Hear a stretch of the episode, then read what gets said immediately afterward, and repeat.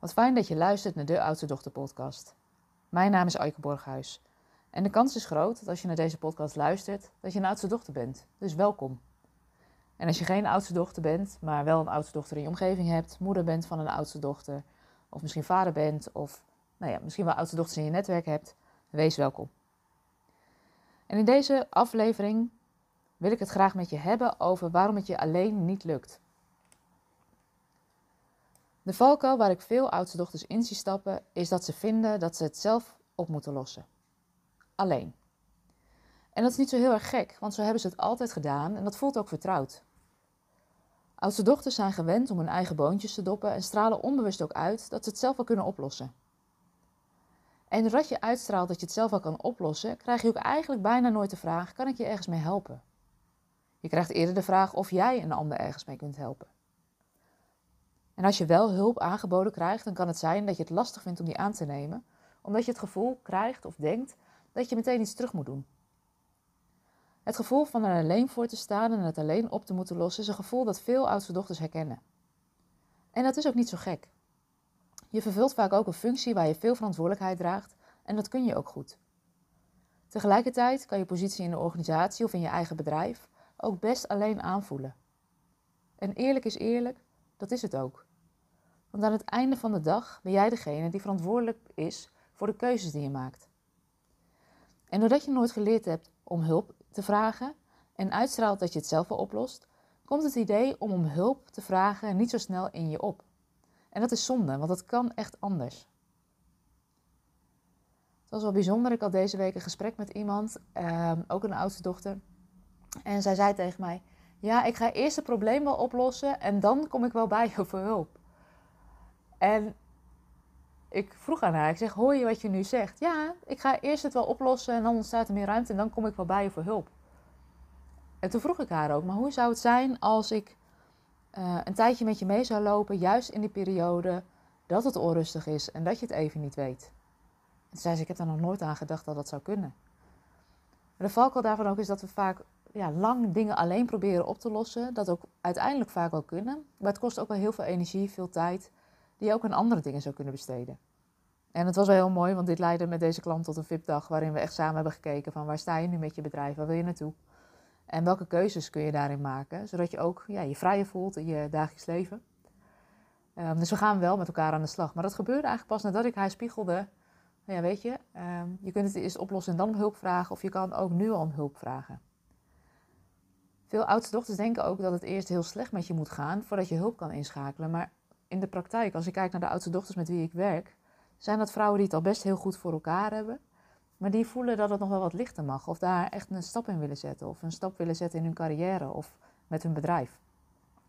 Dus mocht dat bij jou ook zo zijn, weet dat je welkom bent. Je hoeft het niet eerst zelf op te lossen. Ik loop graag naast je mee. Want als je geen hulp inschakelt en het alleen blijft doen, dan is de kans aanwezig dat je vooral druk blijft met brandjes blussen en niet toekomt aan de dingen die echt het verschil maken of belangrijk voor je zijn. Wat er vaak gebeurt is dat je focus ontbreekt. En die focus aanbrengen lukt vaak ook niet als je midden in de situatie zit en onderdeel uitmaakt van het systeem.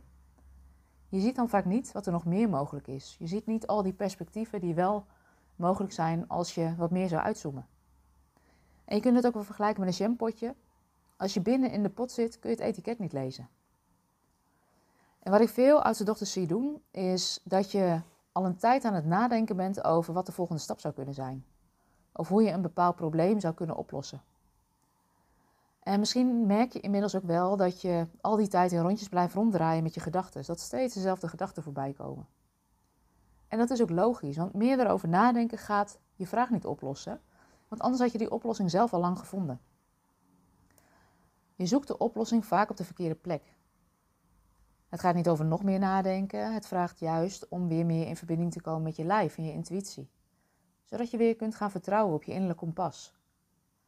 In plaats van al je mogelijkheden stuk te redeneren in je hoofd en vast te komen zitten, wil je dan stap voor stap, je weer leert vertrouwen op de wijsheid van je lijf en je intuïtie, weer in beweging komen.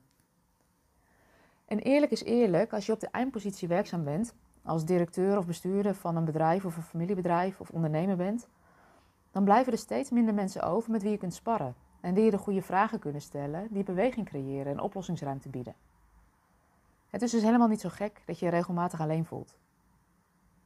En als ik kijk naar de gesprekken die ik ja, lange tijd voer met oudste dochters, dan komt het heel regelmatig voor dat oudste dochters op die positie zich alleen voelen. En dat is ook de reden dat ik hier meer over aan het delen ben.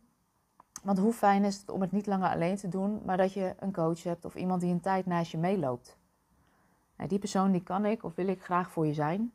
Dus als je merkt dat je een vrouw bent op een leiderschapspositie, in een familiebedrijf, een bedrijf, ondernemer bent, en je kunt wel een sparringspartner gebruiken en een coach die je net even wat andere dingen laat zien als die je zelf ziet, waardoor je het niet langer alleen hoeft te doen, weet dat ik graag een tijdje naast je meeloop, zodat je het een tijd niet alleen hoeft te doen. Mocht je daar nou een ja voor voelen, weet dan dat ik graag met je in gesprek ga. Je kunt me een mailtje sturen op info.aikeborghuis.nl en dan uh, kunnen we een afspraak met elkaar maken. Zo'n eerste afspraak is altijd vrijblijvend. Ik ga dan met je meekijken. Waar sta je nu? Waar zou je naartoe willen? Zodat je in ieder geval helderheid krijgt over je ja, coachvraag of je hulpvraag. Want dat is ook iets wat oudste dochters vaak denken, dat ze die coachvraag al helemaal helder moeten hebben. Maar dat lukt je vaak niet alleen. Want als je je vraag helder hebt, dan is de oplossing vaak ook al veel dichterbij. Zo'n gesprek is vrijblijvend, ik leer je graag beter kennen. Dus mocht je dat willen, stuur me dan een mail en um, dan ontmoeten we elkaar snel. Voor nu wens ik je een hele fijne dag. Mocht je deze podcast nou interessant vinden of iemand kennen voor wie deze podcast interessant is, deel hem dan in je netwerk. Je helpt me op deze manier om nog meer oudste dochters te bereiken. Een review achterlaten mag ook. Zo wordt de podcast beter gevonden in de zoekmachines, waardoor ik nog meer oudste dochters kan bereiken. Voor nu wil ik je in ieder geval bedanken voor het luisteren en een hele fijne dag.